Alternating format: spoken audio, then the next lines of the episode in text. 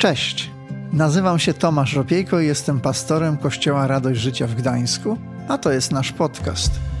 Świetnie, że jesteś. Mam nadzieję, że to, co za chwilę usłyszysz, zainspiruje Cię, pomoże lub zachęci do zmiany. Przejdźmy do dzisiejszego odcinka. Dzień dobry, kochani. Bardzo, bardzo wszystkich witam serdecznie i niezmiernie się cieszę, że jesteście e, dzisiaj tak licznie w tym miejscu, zarówno e, w sposób stacjonarny, jak i w sposób wirtualny. E, Miło, że zechcieliście spędzić te, ten poranek niedzielny właśnie w tym, w tym miejscu. Tak jak wspomniał pastor na początku, dzisiaj kontynuujemy serię, którą zainaugurowaliśmy tydzień temu. Serię pod tytułem Destrukcja czy rekonstrukcja. Jest to seria, w której zadajemy bardzo e, trudne i niewygodne pytania. E, zmagamy się z różnymi dylematami, czy tak jakby to powiedziała e, młodzież, mamy różnego rodzaju trudne rozkminy. I dzisiaj taką jedną właśnie z rozkmin kolejnych poruszymy. I zanim zaczniemy nasz temat dzisiejszy, to małe lokowanie produktu chciałem tutaj e, zrobić, ponieważ w, naszym, w naszej księgarni e, pojawiły się nowe książki. Jedną z nich jest książka pod tytułem Bóg, czy są powody, by wierzyć? Jest to książka autorstwa Timothy Kellera i e, bardzo zachęcam wszystkich do tego, żeby na długie jesienne wieczory zaopatrzyć się właśnie w tę pozycję, dlatego że właśnie ta książka, między innymi na dzisiejszy temat, o którym będziemy mówić, e, ma swój oddzielny rozdział, z którym warto się zapoznać jako takim rozszerzeniem do tego, co dzisiaj padnie w tym miejscu, e, ale również na pozostałe tematy, które będą poruszane w ramach tej serii. Ma ona również swoje e, rozdziały, swoje stanowisko, więc warto e, o tym, warto się z tym zaznajomić. Jest w niej dużo takiego podejścia filozoficznego, dużo rzeczy, które są bardzo mocno i twardo argumentowane, między innymi właśnie poprzez Pismo Święte, więc warto naprawdę tym, e, tą książką się dzisiaj zainteresować po naszym nabożeństwie. Ale przejdźmy do tematu. Dzisiejszym tematem, e, dzisiejszy temat brzmi rozczarowanie Bogiem. Rozczarowanie Bogiem. Taki jest tytuł dzisiejszego kazania i mm, na początku takie pytanko do wszystkich chciałem zadać, czy kiedykolwiek kto, ktokolwiek z was czuł się rozczarowany Bogiem? Czy kiedykolwiek ktokolwiek z Was, mało osób, więc wszyscy tutaj będą pewnie się ze mną e, zgadzać, mało osób jest, było rozczarowanych Bogiem, e, ale myślę, że jednak mimo wszystko, nie może nie każdy się przyznał, ale czasami zdarzają się sytuacje, w których myślimy sobie, dlaczego dana rzecz przytrafiła mi się, albo dlaczego dana rzecz przytrafiła się komuś z moich bliskich, komukolwiek, kogo znam albo nie znam, dlaczego Bóg do tego dopuścił, dlaczego na to pozwolił. Być może jest to, są to kwestie natury e, utraty kogoś, śmierci kogoś bliskiego, może choroby swojej albo czyjejś.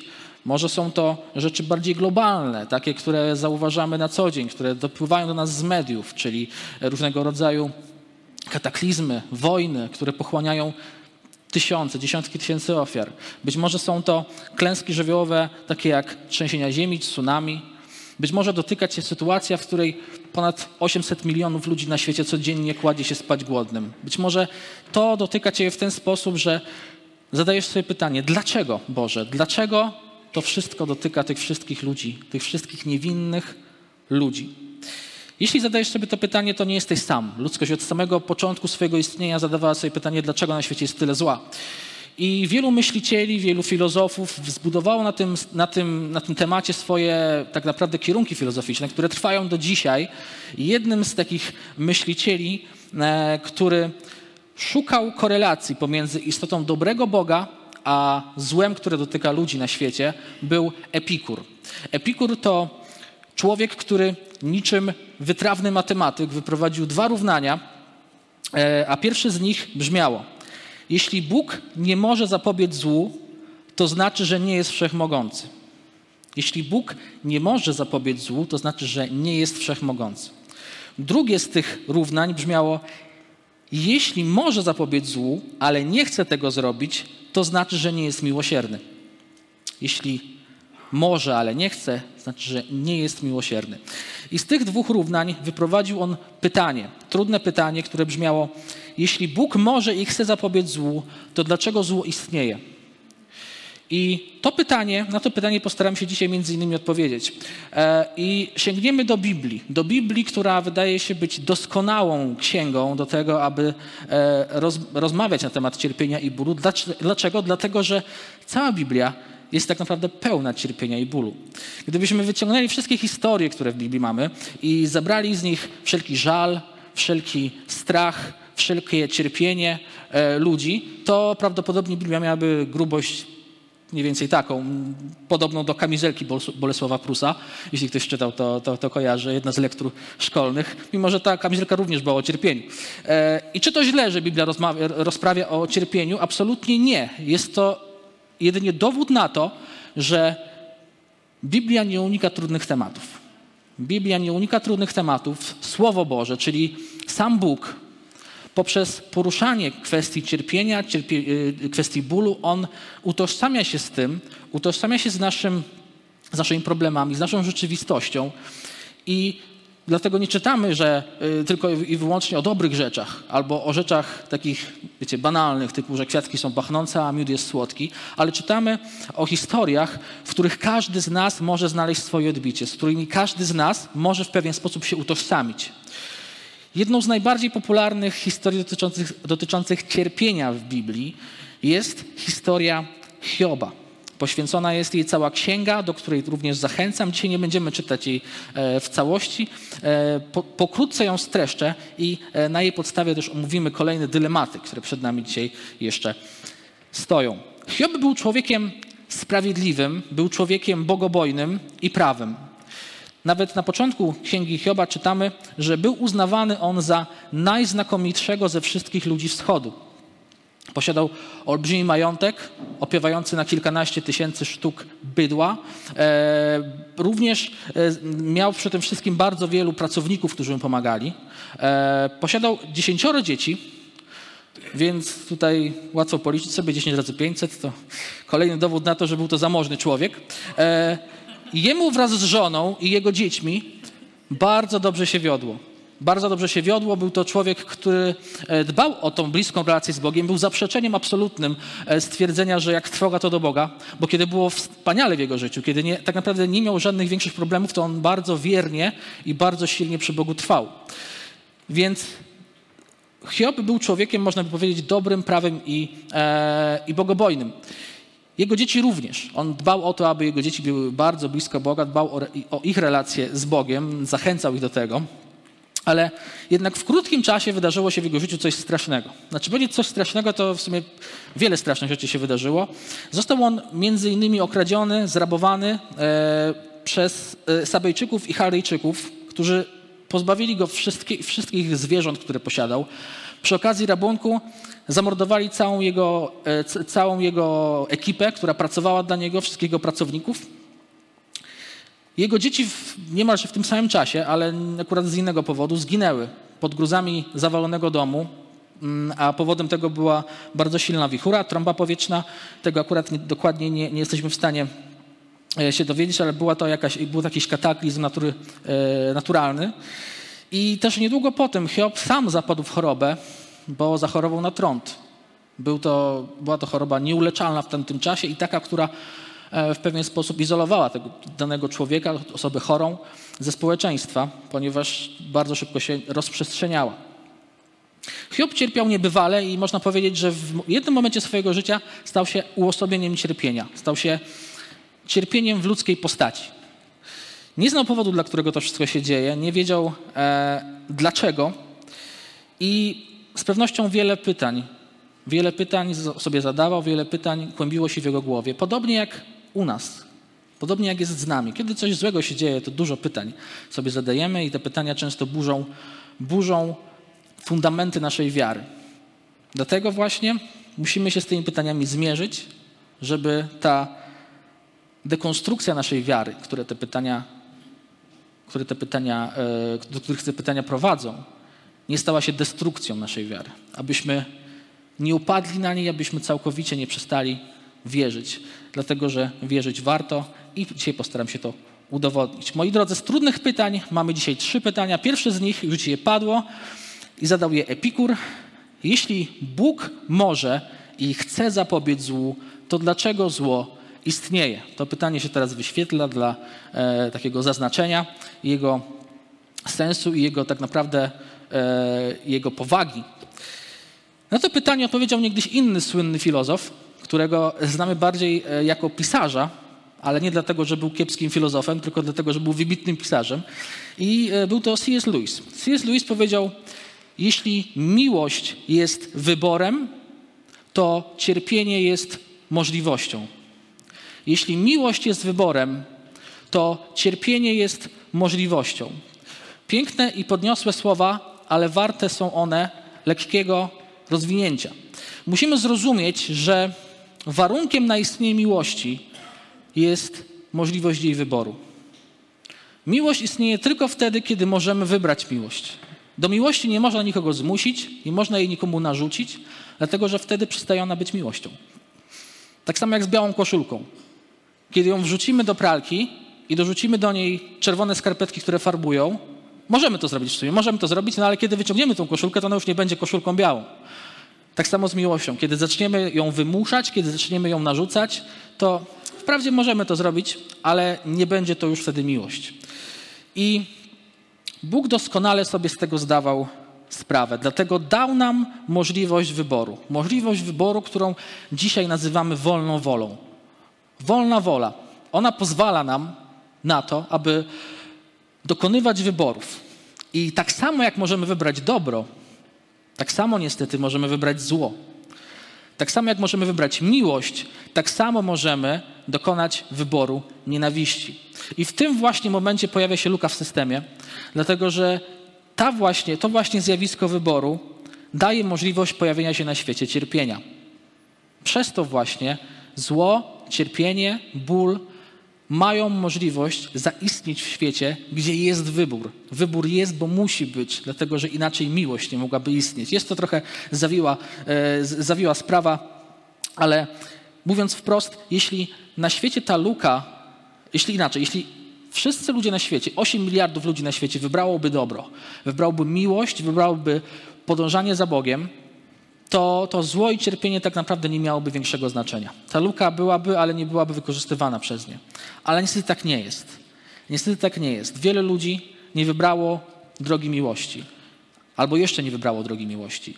Stąd właśnie zło ma możliwość występowania w naszym świecie. Jest to dość krótka, krótkie opracowanie tego, tego zagadnienia, dlatego jeszcze raz zachęcam do książki e, Timothy Kellera o e, tym, czy warto wierzyć, czy są powody do tego, by wierzyć, dlatego że tam też dowiemy się o tym znacznie, znacznie więcej. Moi drodzy, zatem przejdźmy do pytania drugiego, równie trudnego, a brzmi ono: dlaczego złe rzeczy przytrafiają się dobrym ludziom? Dlaczego złe rzeczy przytrafiają się dobrym ludziom? My jako ludzie jesteśmy przyzwyczajeni do pewnego rodzaju przyczynowości, czyli kiedy coś się dzieje, to musi mieć jakiś powód. Tak? Każda akcja wymaga jakiejś, ka każda akcja posiada jakąś reakcję, a każda reakcja wymaga jakiejś akcji. To już wie o tym małe dziecko, które doskonale sobie zdaje sprawę z tego, że kiedy coś zrobi i kiedy rodzic się uśmiechnie na to, co zrobiło to dziecko, to maluszek wie, że zrobił coś dobrego, jest ok. Jeśli zrobi coś ale rodzic powie mu nu, nu, nu, po, po, po, po, pogroził mu palcem, to wtedy dziecko wie, że zrobiło coś niedobrego. Wie o tym, że każde jego zachowanie wymusi jakąś reakcję środowiska. Dlatego każdy z nas w przypadku, kiedy dzieje się coś złego, szuka powodu tego. Szuka powodu, dla którego to się stało, no bo w końcu jakiś powód musiał tego zaistnieć. I w historii Hioba o której dzisiaj sobie wspominaliśmy, którą dzisiaj streściliśmy, z tego samego założenia przeszli, wyszli wszyscy jego bliscy. Jego przyjaciele spotkali się z Hiobem po, po, po jego serii nieszczęść i również szukali powodów, bo uznali, że musi istnieć jakiś powód, dla którego Hiob cierpi. I to szukanie powodów na siłę sprawiło, że wysnuli bardzo, ale to bardzo niewłaściwe i fałszywe wnioski. Dlatego, że zaczęli go oskarżać o to, że wszystko, co się wydarzyło w jego życiu, jest jego winą. To on zawinił, to wszystko musi być wynikiem grzechu. Pomimo tego, że nie mieli żadnego szerszego spojrzenia na jego życie, pomimo tego, że nie wiedzieli o nim nic więcej niż tylko to, co on powiedział, nie wiedzieli nic więcej niż on sam, to oni już wiedzieli dlaczego. Oni uznali, że powodem, dla którego on teraz cierpi oraz cierpi jego żona, jest to, że on zgrzeszył. Wszystkiemu winny jest jego grzech. Można by powiedzieć, że jeśli cierpienie jest złotem, to dla nich było wtedy szansą, ale niestety nie wykorzystali tej szansy. Więc bardzo fałszywie oskarżyli, oskarżyli Hioba o coś, co, e, czemu nie był winny. Jego żona z kolei przyjęła odwrotną narrację, ale odwrotną nie znaczy dobrą, dlatego że jego żona uznała, że ona nie widzi żadnego powodu, dla którego oni cierpią, Wobec tego żaden powód nie może istnieć. Skoro ona nie widzi, to znaczy, że powodu nie ma. Wobec tego Bóg dopuścił do nas, że my cierpimy bezsensownie, my cierpimy bez żadnego powodu, a więc wcale nie jest taki dobry i najlepszą opcją, jaką teraz możemy wybrać, to się od niego odwrócić. Ona się od niego odwróciła i również prosiła męża, dała mu taką radę, aby on również to zrobił, kiedy spojrzymy na, drugi rozdział Księgi Hioba, żona Hioba mówi do niego w dziewiątym wersecie, czyż, cóż ty tak trwasz w tej swojej nienaganności? Złożecz Bogu i umrzyj. W innym tłumaczeniu, obraź Boga i niech ukaże ci śmiercią. Obraź Boga i niech ukaże ci śmiercią. Skoro On nam tak, to my Mu tak. I moi drodzy, zarówno jedna strona, czyli szukanie powodu na siłę i dochodzenie do fałszywych wniosków, jak i druga strona, czyli uznawanie, że żadnego powodu nie ma i to wszystko wina Boga, jest zła. Jedna i druga strona prowadzi do albo, albo w pewien sposób e, stłamszenia osoby, która cierpi, bo tak zrobili jego przyjaciele, zamiast mu pomóc, zamiast go wesprzeć. W momencie, w którym potrzebował tego, tej, tego wsparcia, tej pomocy, to oni jeszcze bardziej wdeptali go w ziemię. A z drugiej strony jego żona, która chciała go odwieść od Boga, od Boga, którego w tamtym momencie potrzebował jeszcze bardziej niż kiedykolwiek wcześniej. I najlepszym byłoby, gdybyśmy zrozumieli i gdyby Hiob wiedział, dlaczego on cierpi. To by naprawdę, to naprawdę by ograniczyło dużo cierpienia, dużo, dużo nerwów jemu, jego bliskim. Mógłby wytłumaczyć im, uspokoić ich i odeprzeć te fałszywe zarzuty wobec siebie, ale niestety Hiob nie znał w tamtym momencie odpowiedzi na to pytanie. Hiob nie znał odpowiedzi na na to pytanie, dlaczego cierpi, dlaczego Bóg dopuścił do niego cierpienie. I powiem więcej Wam. My również dzisiaj nie wiemy, jaka jest na to pytanie odpowiedź. Ja również nie znam tej, tej odpowiedzi. Nie wiem, jaka jest odpowiedź, dlaczego Bóg dopuszcza cierpienie do ludzi, ale wiem, jaka nie jest. Odpowiedzią nie jest to, że Bóg nas nie kocha. Odpowiedzią nie jest to, że Bóg nas nie kocha. Cierpienie nie jest dowodem, braku miłości. Cierpienie nie jest dowodem braku troski. I najlepsze w tym wszystkim jest to, że my doskonale sobie z tego zdajemy sprawę. Doskonale sobie z tego zdajemy sprawę, bo przecież nikt z nas nie myśli, że chirurg, który operuje pacjenta, zadaje mu ból, bo lubi to robić, bo to sprawia mu przyjemność. Nikt przecież z nas nie myśli, że pielęgniarka, która pobiera nam krew, wbija nam się igłą w żyłę, robi to dlatego, że jest sadystką i uwielbia po prostu, kiedy cierpimy. Chociaż czasami możemy sobie tak myśleć. Ale nie jest tak. Przecież nie myślimy, że dietetyk, który układa nam dietę i w tej diecie jest dużo brokułów, a my nie lubimy brokułów. Za żadne skarby nie lubimy brokułów. Ale on daje nam dużo brokułów dlatego, że chce nam odebrać smak życia. No nikt z nas tak nie myśli. Pomimo tego, że Wszyscy ci ludzie często są ludźmi, których my kompletnie nie znamy. To są nieznajomi dla nas ludzie. Nie znamy swojego chirurga, nie znamy swojej pielęgniarki, nie znamy swojego dietetyka, ale mimo wszystko nie mamy wątpliwości, że oni poprzez to nasze chwilowe cierpienie chcą dla nas jak najlepiej. Oni chcą, aby to, ten zabieg doprowadził nas do zdrowia. Oni chcą, żeby to badanie krwi doprowadziło nas do, do trafnej i, yy, i w porę diagnozy. Oni chcą, aby ta dieta, którą, którą, którą nam ustalają, te, te brokuły sprawiły, że skoro one są zdrowe, to że my też będziemy zdrowi. Wobec tego, dlaczego? Dlaczego nie jest to takie oczywiste względem Boga, którego znamy? Dlaczego uważamy, że ci ludzie, których nie znamy, chcą dla nas dobrze, ale Bóg, którego znamy, poprzez cierpienie chce dla nas źle? Wyobraź sobie, że Bóg kocha cię niesamowicie silną i bezgraniczną miłością. Bo tak właśnie jest. Bóg kocha cię niewyobrażalnie silnym uczuciem miłości. Kocha tak bardzo, że oddał swojego syna, aby ten wziął wszystkie nasze grzechy i nasze cierpienia i umarł za nie. Dlaczego to zrobił? Dlaczego dokonał takiego wielkiego aktu heroizmu wobec nas? Dlatego, że uznał, że to doprowadzi nas do czegoś lepszego. Że ten chwilowy akt cierpienia jest czymś, co przyniesie nam coś zdecydowanie lepszego. I to wszystko świadczy o tym, że Bóg doskonale wie, że nasz ból wymaga uzdrowienia, że nasze straty prowadzą do tego, że jednak koniec końców odniesiemy zwycięstwo. On sobie zdaje sprawę z tego, że niewola, w której się znajdujemy, a zniewoleni możemy być różnymi rzeczami, prowadzą nas do końcowej wolności, dlatego że obiecał nam to. Obiecał nam to uzdrowienie, obiecał nam to zwycięstwo, obiecał nam tą, tą wolność. W Księdze Jeremiasza w 29 rozdziale, w 11 wersecie, ponieważ tam możemy przeczytać ja wiem, jakie wiąże z wami plany, oświadcza Pan. To plany o pokoju, a nie o niedoli. Chcę dać wam szczęśliwą przyszłość i uczynić was ludźmi nadziei. To są, moi drodzy, słowa, które zapowiada Bóg. To są słowa, które On nam daje nam taką obietnicę. Mówi o tym, że czeka nas coś lepszego, że czeka nas świetna przyszłość. Nawet daje pewnego rodzaju zapowiedź tej przyszłości. Objawia ją Janowi, a ten zapisuje ją w ostatniej księdze Biblii w 21 rozdziale, gdzie możemy przeczytać w objawieniu Jana o nowym niebie, o nowej ziemi, gdzie to Bóg, Bóg, stanie, na, e, Bóg stanie na tronie, zasiądzie na tronie, a my, wszyscy ci, którzy w Niego uwierzyli, będą przy Nim. I w czwartym wersecie czytamy, otrze też wszelką łzę z ich oczu i nie będzie już cierpienia, nie będzie śmierci ani bólu, krzyku ani znoju. Nie będzie śmierci, bólu, krzyku ani znoju.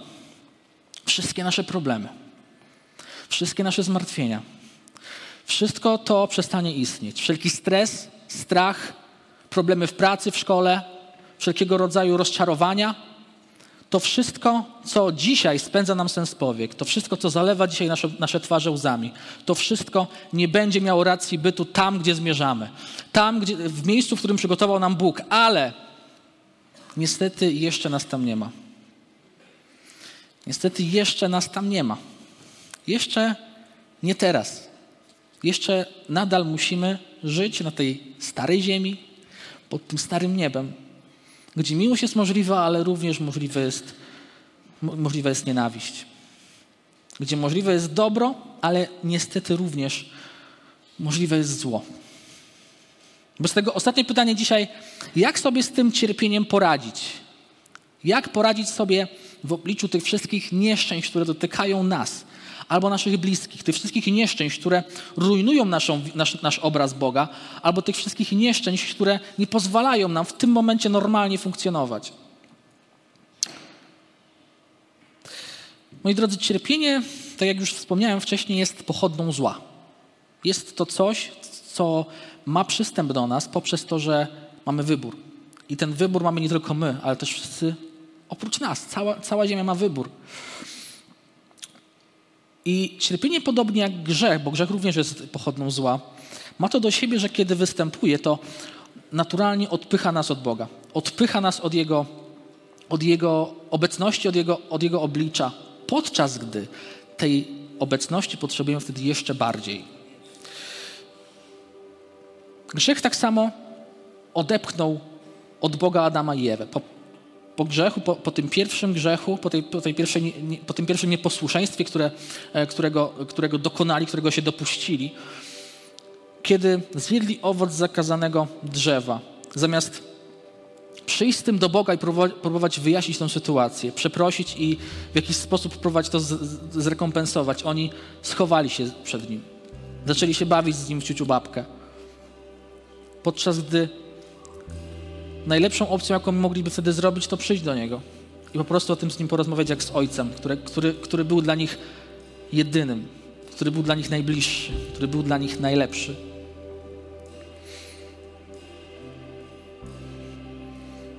I tak samo jest z cierpieniem. Kiedy cierpimy, naturalnym jest, że zadajemy sobie szereg pytań, które doprowadzają nas do wniosku, że to wszystko jest niesprawiedliwe, co się wydarzyło. Tak nie powinno być. Wobec tego oddalamy się od Boga, oddalamy się od Niego. Bo tak działa zło, tak właśnie działa zło. Zło działa w ten sposób, że zabiera nam tlen, kiedy już jesteśmy na wydechu. Zabiera nam wodę w momencie, w którym jesteśmy tak bardzo, bardzo spragnieni.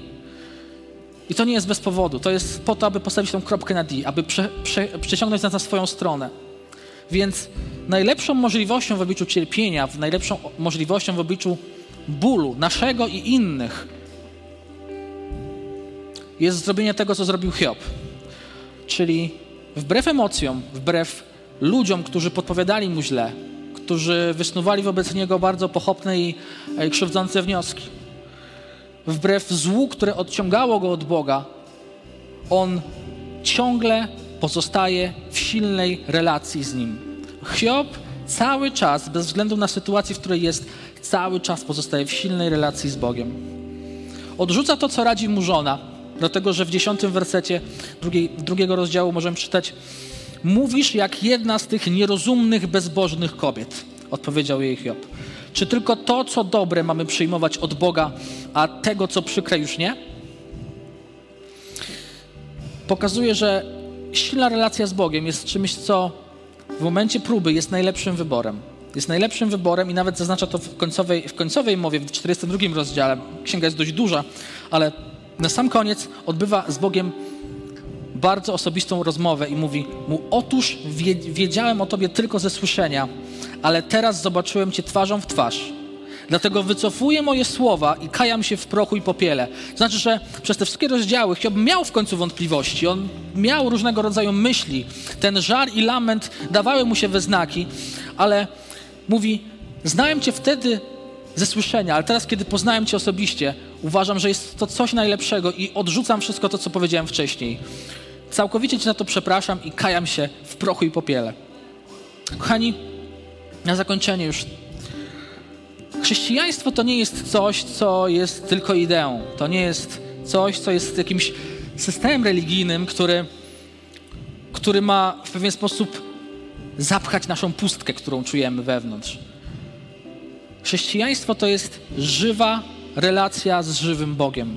Żywa relacja z żywym Bogiem. Bez tej bliskiej relacji trudno byłoby nam przechodzić przez te różne meandry naszego życia. Trudno byłoby wyjść z różnych sytuacji. Trudno byłoby Hiobowi wyjść z tej beznadziejnej sytuacji, ale widzimy, że relacja z Bogiem doprowadziła go do wyjścia nawet z tak beznadziejnej sytuacji, w jakiej się znalazł. Relacja z Bogiem troszkę przypomina nam relację z rodzicami. Tak? To, jest, to, jest, to jest taka trochę mikroskala, e, ta relacja z rodzicami, a relacja z Bogiem. Dlatego, że kiedy mamy dobry kontakt z rodzicami, możemy sobie w każdej chwili do nich przyjść, to łatwiej jest nam zrozumieć pewne rzeczy. Pewne rzeczy, które dzieją się w domu, decyzje, które są podejmowane przez, przez rodziców. Również kiedy my mamy jakiś, mamy jakiś problem, a mamy zaufanie do swoich rodziców, bezgraniczne zaufanie do swoich rodziców, to o wiele łatwiej jest nam się otworzyć, dostać pewnego rodzaju, dostać pewnego rodzaju radę, pocieszenie, kiedy jest to potrzebne. Zupełnie in, inna sytuacja, gdybyśmy po prostu ze swoimi problemami zostali sami. Gdybyśmy założyli słuchawki na uszy, zamknęli się w swoim pokoju i nie mieli w ogóle żadnego przystępu do innych. Gdybyśmy po prostu zostali ze swoim problemem sami i szukali ukojenia w rzeczach, które tego ukojenia by nie przynosiły. I tak jest właśnie z relacji z Jezusem. Kiedy karmimy się Jego Słowem, kiedy trwamy w, w modlitwie z Nim, kiedy poznajemy Jego charakter, to nabieramy tej świadomości, ile On już za nas wycierpiał. Jak wiele On za nas zapłacił już w tym momencie. To pozwala nam do tego, aby w takich trudnych momentach dawać Mu jeszcze większy przystąp, przystąp do siebie, jeszcze bardziej otwierać się na Niego. I nagle okazuje się, że w ciężkiej sytuacji On zsyła na nas spokój. Zsyła na nas spokój, który jest całkowicie nieuzasadnionym pokojem, który jest można powiedzieć nawet całkowicie bez sensu. Jak to możliwe, że znajduję się w takim wielkim problemie, a jestem tak spokojny dzięki Bogu? On również wtedy pokazuje, że są też inni ludzie, którzy o nas się troszczą. Nagle na naszej drodze pojawiają się ludzie, których nawet dobrze nie znamy, ale od których czujemy miłość, od których czujemy bliskość. To są właśnie ludzie, których On również stawia na naszej drodze. I nawet kiedy widzimy w pewnym momencie naszego życia, w pewnym wycinku, jak na wykresie akcji, że jest lokalny spadek, jest coś, coś jakaś, jakieś cierpienie do nas, do nas przyszło, jakaś go, jakiś gorszy moment, to kiedy ten wykres rozszerzymy, to zobaczymy, że w globalnej skali jesteśmy cały czas na, na wzroście, że cały czas Bóg o nas dba, że On jest dobry i wierny i przez całe życie daje nam temu dowód. Amen? Moi drodzy, Bóg jest dobrym i wiernym Bogiem, który chce dla nas jak najlepiej i kiedy spojrzymy szerzej na nasze życie, to zobaczymy, że Jego miłość trwa i trwać będzie na wieki. Dlatego zachęcam nas do tego, abyśmy w trudnym, trudnych momentach, abyśmy w obliczu cierpienia i zła nie pozostawali sami ze słuchawkami na głowie, nie zamykali się w swoim pokoju, ale abyśmy ze wszystkimi problemami, dylematami, wszystkimi pytaniami przychodzili przed Boże oblicze. Abyśmy nie bali się mówić Mu o tym, abyśmy, nie bali, abyśmy się nie bali wyznawać Mu swoje wątpliwości. Dlatego, że relacja z żywym Bogiem jest najlepszą receptą na to, aby przejść przez największe życiowe doliny. Kochani, teraz chcę, abyśmy się modlili. Będę chciał, abyśmy powstali wszyscy i pomódlmy się o wszystkie osoby, które przez cierpienie oddaliły się od Boga. O wszystkich nas, którzy poprzez te trudne dylematy, które sobie stawiamy, które nas dotykają, abyśmy w, szczególnie w modlitwie dzisiaj walczyli o to, aby, aby jednak ta dekonstrukcja naszej wiary spowodowana tym cierpieniem doprowadziła do jej rekonstrukcji, a nie destrukcji. I również szczególnie w modlitwie chciałbym dzisiaj postawić osoby, które w tym momencie cierpią, które w tym momencie przechodzą przez swoje życiowe, lokalne doliny. Chcę, aby dobry Bóg dzisiaj wszystkim tym ludziom, wszystkim naszym braciom i siostrom szczególnie pobłogosławił. Panie, przychodzimy dzisiaj przed Twoje oblicze. Chcemy szczególnie modlić się o naszych braci, o nasze siostry, którzy, którzy dzisiaj czują, że cierpią, którzy zostali postawieni w obliczu bólu, którego być może nie rozumieją, Panie. My wierzymy w to, że to całe cierpienie i ten cały ból Ty doskonale znasz, ponieważ Ty cierpisz razem z nami. Tobie nie jest ten ból obcy, Tobie nie jest ten ból nieznany, Panie. Ty jesteś tym, który jest w, tym, w tej sytuacji naszą, jed, naszym jedynym ratunkiem, naszą jedyną opoką, naszym jedynym lekarzem, który może ten ból zabrać, Panie. Wierzę w to, że wszystkie te rzeczy, które nas dotykają, są, do są po to, aby w ostatecznym rozrachunku dać nam szczęśliwe życie z Tobą, Panie. Proszę, abyś w tym momencie zesłał na nasze serca pokój, ponadnaturalny pokój, Panie, i w obliczu tego cierpienia, Panie, abyś zabrał wszelkiego rodzaju dylematy i problemy, i pytania. Panie, chcemy być blisko Ciebie. Modlimy się o Twoje pocieszenie, o zesłanie Twojego pocieszenia i Twoją obecność, Panie, bo chcemy być blisko Ciebie, kiedy jest dobrze, ale również chcemy być blisko Ciebie, jeszcze bardziej blisko Ciebie, kiedy jest źle. Panie, Tobie oddajemy nasze życie, Panie, Tobie ufamy i chcemy to wyznać z głębi naszych serc, z całego serca, Panie, że Ty jesteś jedynym, który godny jest bezgranicznego zaufania. Dziękujemy Ci za Twoje błogosławieństwo, dziękujemy Ci za Twoją łaskę. Dziękujemy, że możemy Twoimi dziećmi się nazywać dziś, Panie, i że będziemy mogli nazywać się nimi na wieki, Panie. Dzięki za to, że jesteś z nami. Oddajemy Ci wszelką chwałę, wszelką cześć. Tobie należy się wszelkie podziękowanie i uwielbienie. Amen. Dzięki, że zostałeś z nami do końca. Pamiętaj, że odcinki pojawiają się w każdy poniedziałek o 18. Jeśli chcesz dowiedzieć się o nas więcej, to wejdź na stronę kazetgdańsk.org. Do usłyszenia.